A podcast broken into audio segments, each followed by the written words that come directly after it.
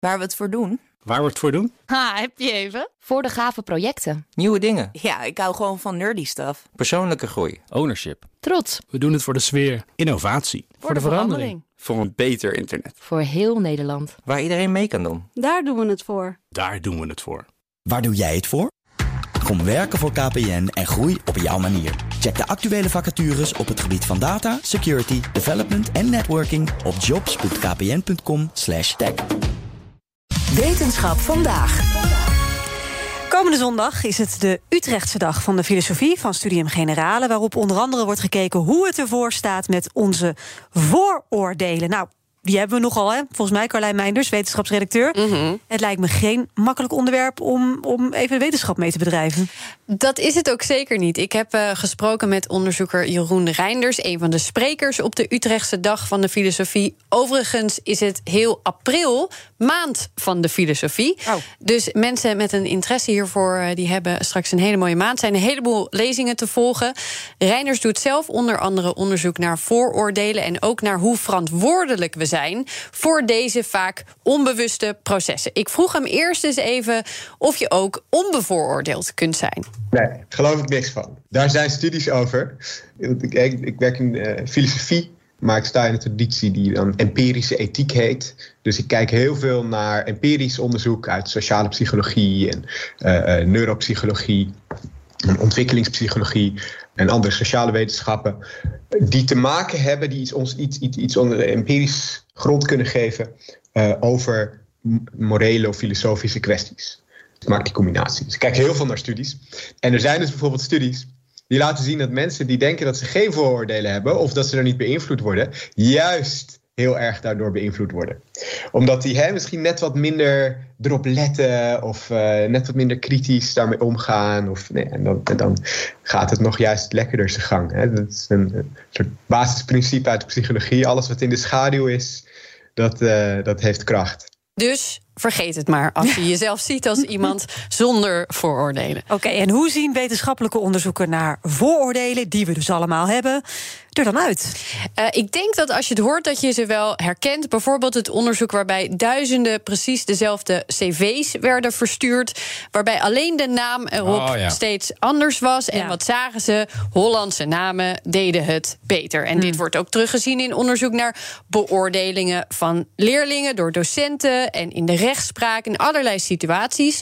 Een ander voorbeeld. Een bekende studie die nog steeds veel wordt gedaan, is dat je een plaatje te zien krijgt van ofwel een wit ofwel een uh, persoon van kleur. En dan een plaatje van ofwel een, iets, een gereedschap of een wapen. En dan moet je heel snel moet je op je toetsenbord op een knopje drukken om te zeggen of het nou een wapen is of een gereedschap.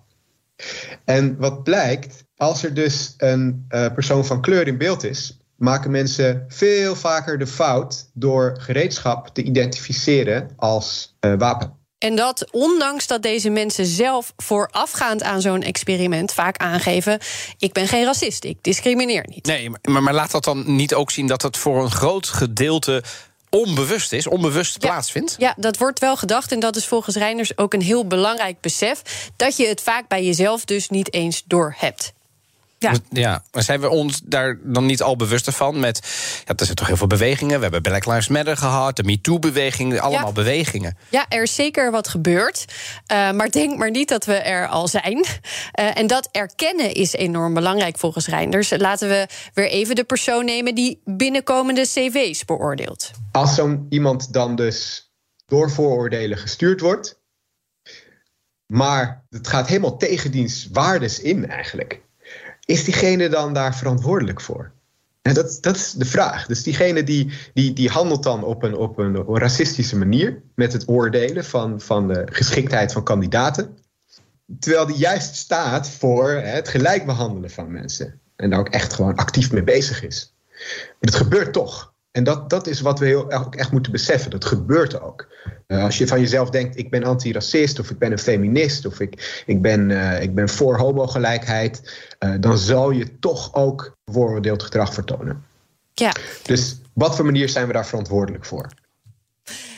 Dat is geen makkelijke vraag. Nee, dat lijkt me ook. Nee. Dus hebben we er überhaupt een antwoord op? Of kunnen we dat niet geven? Dat ligt eraan hoe je over verantwoordelijkheid nadenkt. Bijvoorbeeld zie je iets wat per ongeluk of onbewust gebeurt als iets waar je niet echt verantwoordelijk voor bent. En kun je alleen verantwoordelijkheid nemen uh, of krijgen voor de keuzes en acties die bewust gebeuren.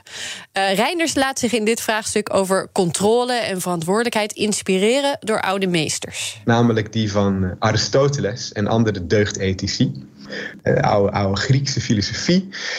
Die veel meer keken naar niet in een moment een keuze maken, maar het vormen van je karakter, je morele karakter. Op de lange termijn jezelf bepaalde attitudes en, uh, aanleren. Het mooie daarvan is dat in heel veel hedendaagse uh, empirisch onderzoek zie je ontzettend veel bewijs voor de mogelijkheid en de kracht daarvan. Ja, maar uiteindelijk ben ik dan benieuwd. Ik wil dan minder bevooroordeeld zijn, dat is mijn doel. Hoe kan ik dat dan worden? Hoe kan ik dat toepassen? Door, te zien, uh, door het te zien als iets wat dus over lange tijd verandert, waar je continu aan moet werken. Een soort training van je karakter eigenlijk. Iets wat dus niet van de ene op de andere dag verandert. En uh, in ieder geval door jezelf niet voor te houden dat je dus geen vooroordelen hebt, want nee. die heeft iedereen. Nee, oké, okay, dus daar moet je je van bewust zijn. Maar hoe train je dat dan, dat over langere periode? Dat kun je volgens Reinders onder andere doen door je te omringen uh, of onder te dompelen in de wereld van anderen. Zeker van groepen die niet altijd dezelfde ruimte hebben gehad om van zich te laten horen. Groepen die lang minder zichtbaar zijn geweest. En door dat op te zoeken en je te verdiepen, steeds maar weer, steeds maar weer, uh, creëer je eigenlijk nieuwe paadjes in je hersenen. En word je uiteindelijk hopelijk minder bevooroordeeld. Ja, en dat klinkt logisch, zo'n zo'n jarenlange training. Ja, misschien wel levenslange training zelfs. Dat denk ja. ik eerlijk gezegd wel. En dat is misschien in het dagelijks leven van de gemiddelde professional makkelijker gezegd dan gedaan. Zeker, want uh, ja, uh, stel je voor dat je de eindjes aan elkaar moet knopen thuis... en je dag draait om, heb ik uiteindelijk genoeg geld om eten te halen... mag je dan ook van iemand verwachten dat diegene tijd vrijmaakt... om zich te verdiepen in andere mensen met een andere cultuur en andere voorkeuren... Je zou kunnen zeggen, de mensen die de luxe hebben om dit wel te doen, om boeken te lezen, om naar het theater te gaan, die zijn verantwoordelijker voor het opzoeken ervan. Reinders vindt van wel. Er zijn ongetwijfeld mensen die nu luisteren en die denken: nee, maakt niet uit in wat voor situatie je zit. Je bent gewoon verantwoordelijk. Uh, maar dat is het mooie van filosofie. Daar moeten we met z'n allen over in gesprek blijven. En komende zondag gaat dat dus in ieder geval gebeuren in Utrecht. Mooi. Dankjewel, Carlijn. Bij BNR ben je altijd als eerste op de hoogte van het laatste nieuws. Luister dagelijks live via internet. Bas van Werven. En heel langzaam komt de zon op rond dit tijdstip. Je krijgt inzicht in de dag die komt op BNR, het Binnenhof in Nederland en de rest van de wereld. De Ochtendspits. Voor de beste start van je werkdag. Blijf scherp en mis niets.